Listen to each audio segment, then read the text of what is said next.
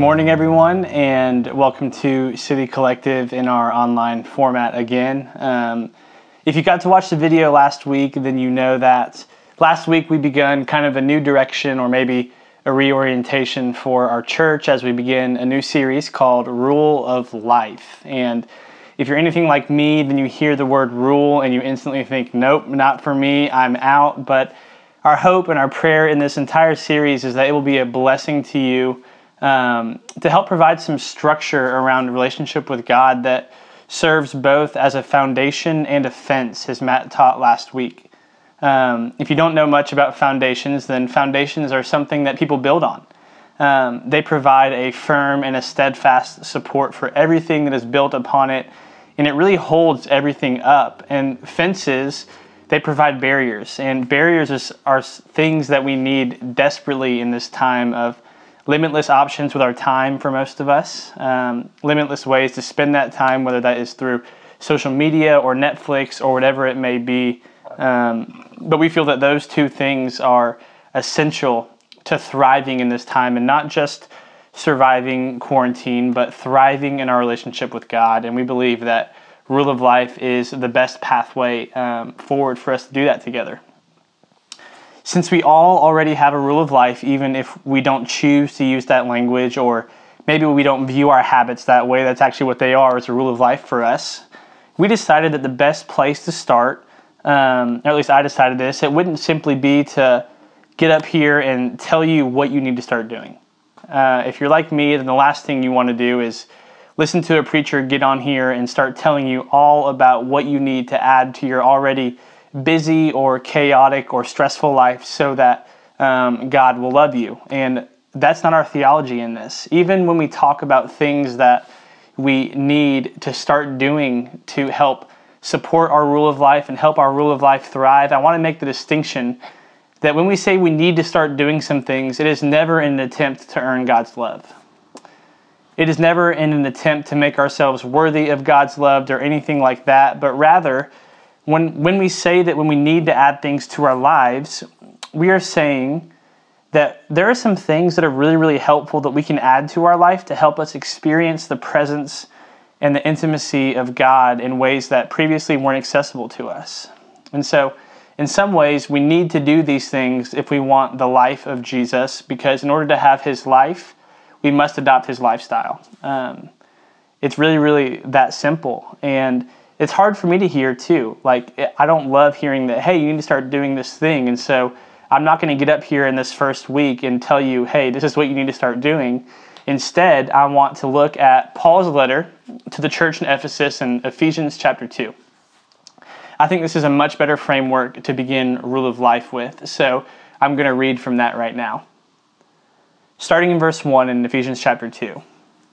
As for you, you were dead in your transgressions and sins in which you used to live, when you followed the ways of this world, and of the ruler of the kingdom of the air, the Spirit who is now at work in those who are disobedient. All of us also lived among them at one time, gratifying the cravings of our flesh and following its desires and thoughts. Like the rest, we were by nature deserving of wrath.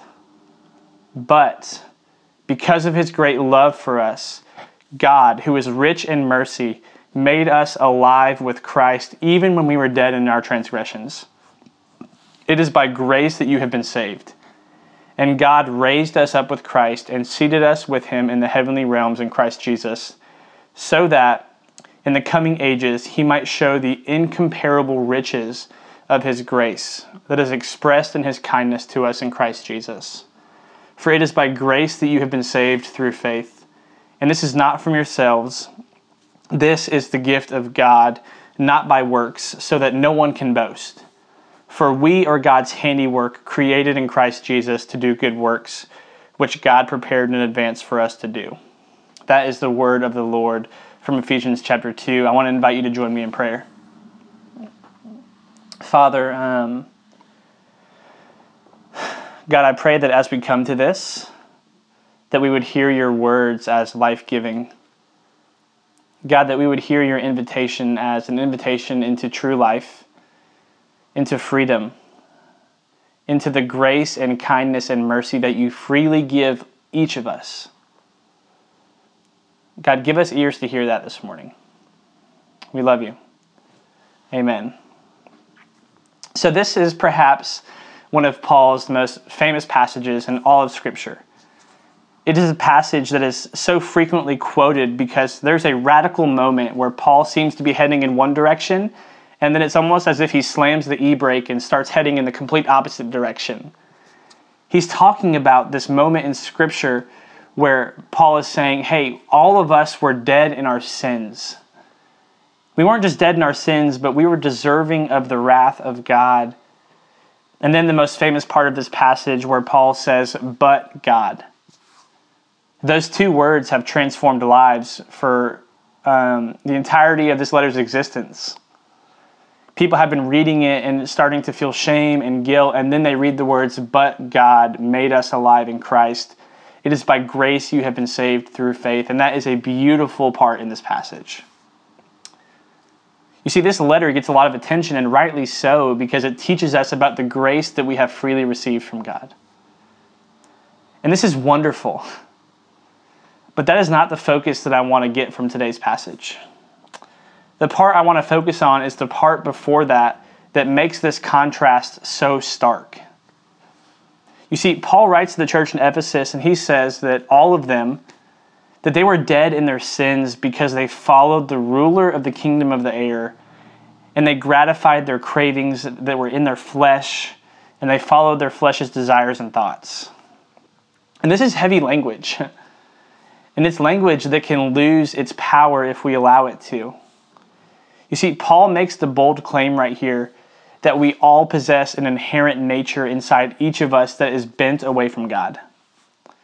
A flesh nature that has cravings and desires and thoughts, and that we can actually overindulge this nature. That we can actually be like so much of the language of the New Testament, we can become enslaved to this nature where it is our ruler. He writes to the church time and time again that they are free people because of grace, but they are not free in the sense of doing whatever they want so that grace will continue to abound. But rather, they are free from themselves. They are free from their flesh nature that so desperately tries to run away from God and His goodness and His kingdom. The freedom that is on offer in Jesus is the freedom to say no to our cravings and our desires that we feel even deep in our gut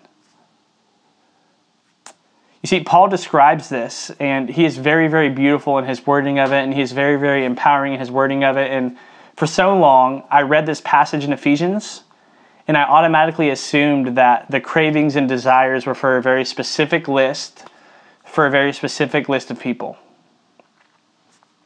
I thought it was the, the desire for drunkenness, for sexual promiscuity, and for violence and anger and things like this. And although those are certainly part of the enemy's plans to try to lead us away from the goodness of God and the invitation of God, that list was far too easy for me to manage on my own.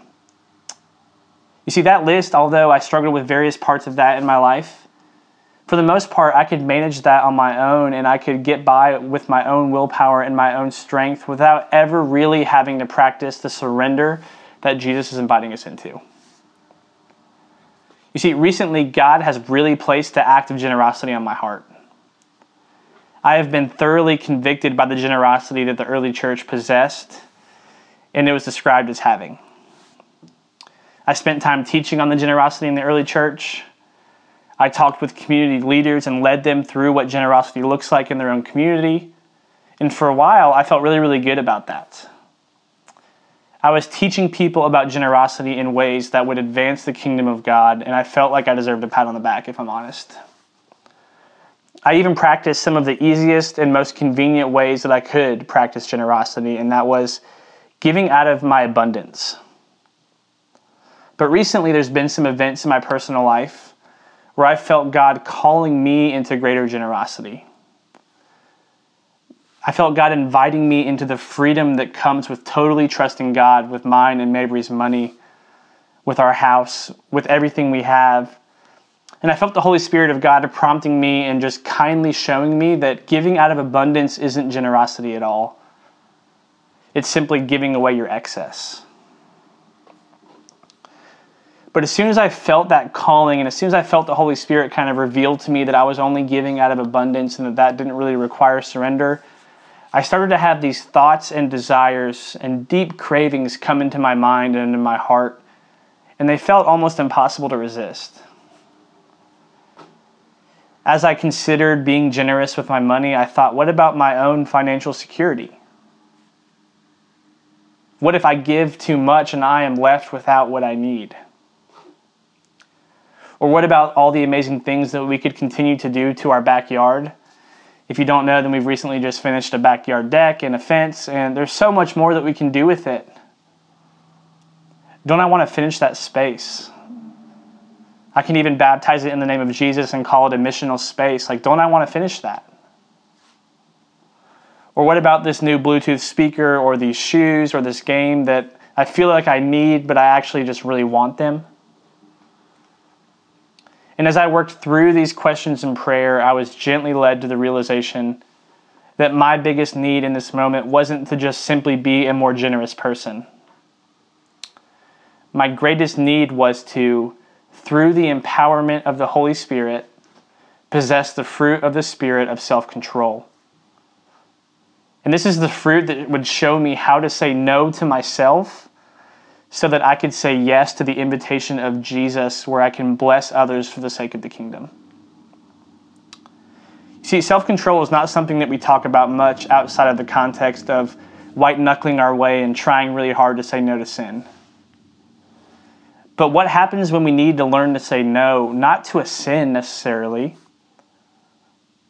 but what happens when we need to learn to say no to ourselves and what feels like an essential part of our being because that's actually keeping us from the fullness of the kingdom of God?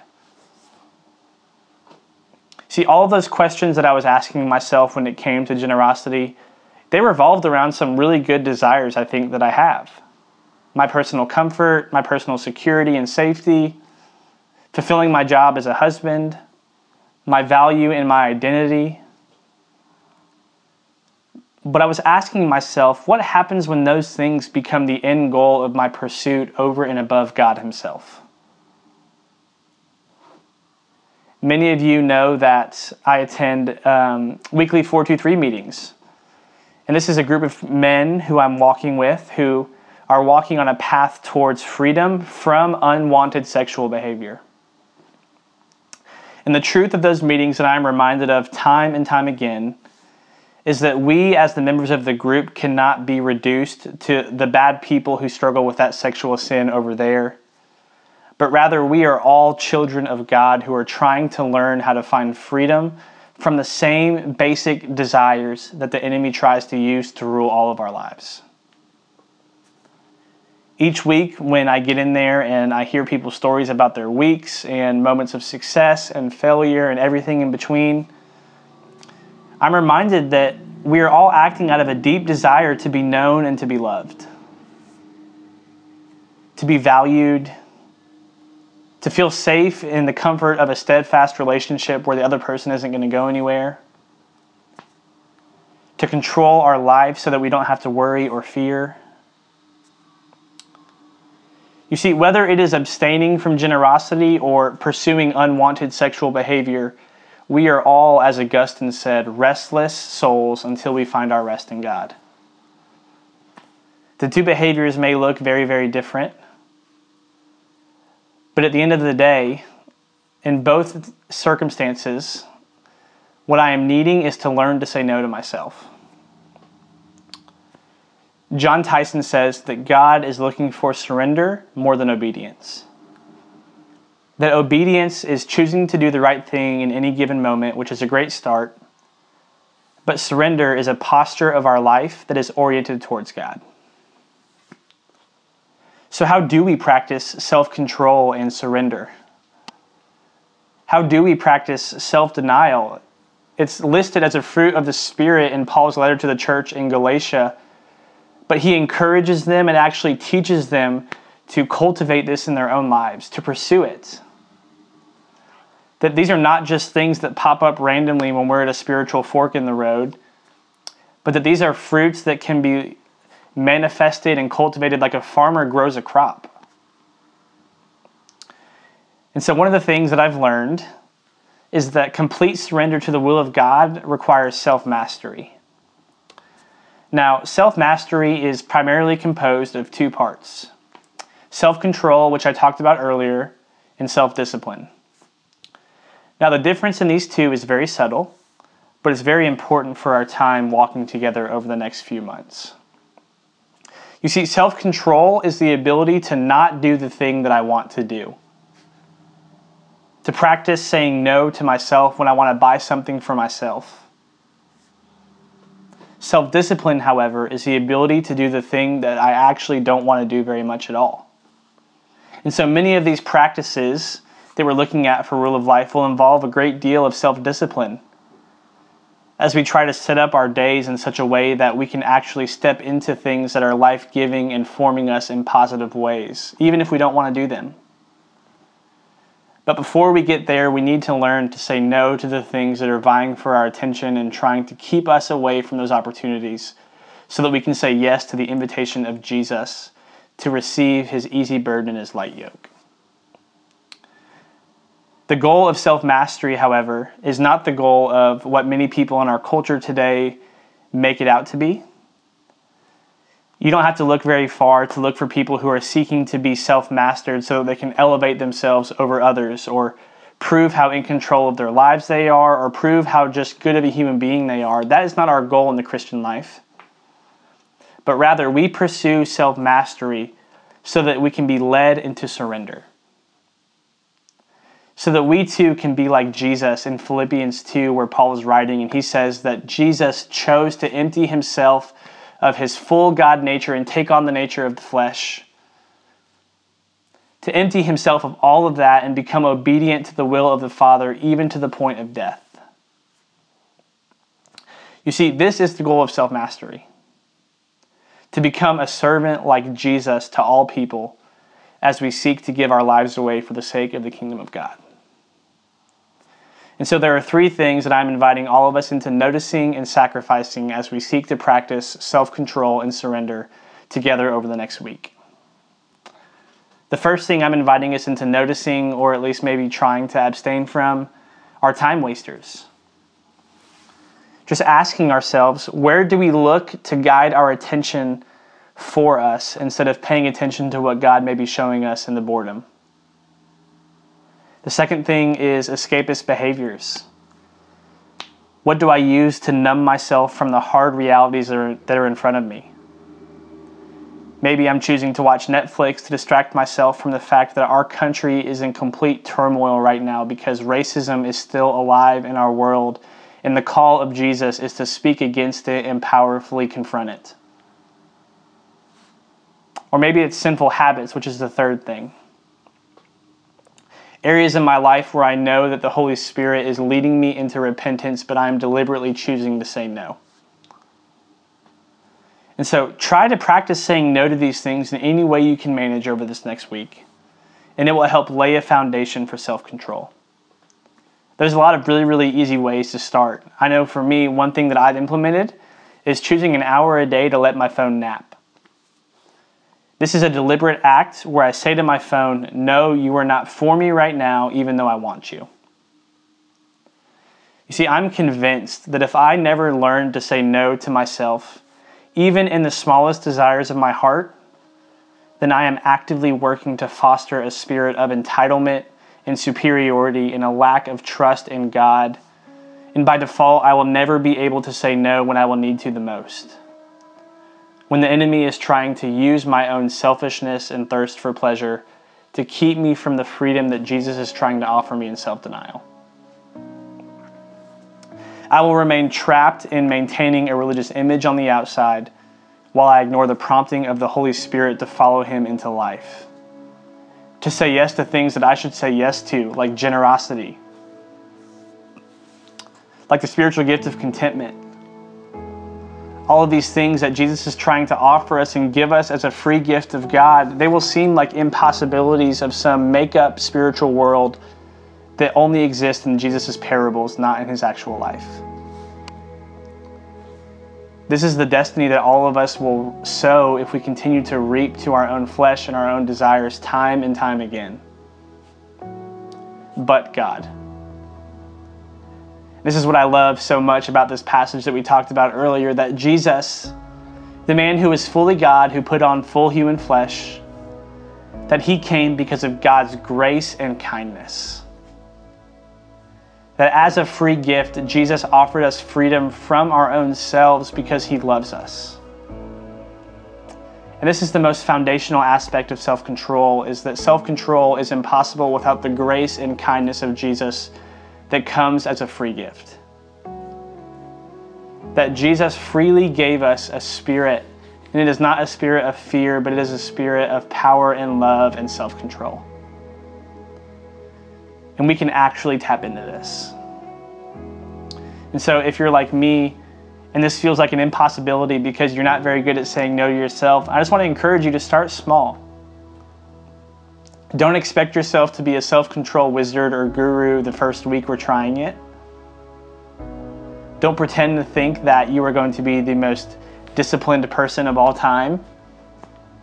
But rather set a modest goal for yourself. Like maybe it's just one day for an hour a day, you say no to something. Something that you really like. And it may not even be sinful, and that's sometimes why it's so hard. But I believe that if we can say no to ourselves, then we can say yes to God in a much more life giving way. And so this morning, we're going to take communion together. And we're going to take communion together to remember the fact that Jesus, the full God, full man, that he came and his body was broken. And that as his body was broken, he had to, he had to demonstrate an immense amount of self control. The people mocked him and said, If you are really God, come down from that cross. And I think Jesus probably really wanted to. If the Garden of Gethsemane is any indicator of his feelings, then it's safe to assume that Jesus had to possess some self control in this. And as we take communion this morning, the bread that is in remembrance of his body broken, and the juice that is in remembrance of his blood shed, I just want to invite you to pray and ask God for an outpouring of His Spirit on your life to help you to do this. God promises that His Spirit is one of self control. I believe that because of His grace and His kindness, that He is eagerly desiring to give us this free gift. The question is simply, will we receive it? I promise, this is what I believe, that if we can say yes to this invitation of Jesus into the kingdom, then saying no to ourselves will not feel like death. Sometimes it will, but ultimately we will come out of death and realize that there is life. That is our invitation this morning to you, City Collective, as we head into our time of communion. I'm going to pray for us, and then I just want to invite you to take communion wherever you feel led to. Jesus, you have given us a fantastic example of humility. God, I pray that you would show us how to be self controlled people. People who are not lorded over by our desires, by our thoughts or our impulses. But show us how to be people who are self mastered for the sake of advancing your kingdom, God. We know that you have given us much grace to do this. God, use your Holy Spirit and lead our hearts into a posture of surrender and acceptance. We love you. Amen.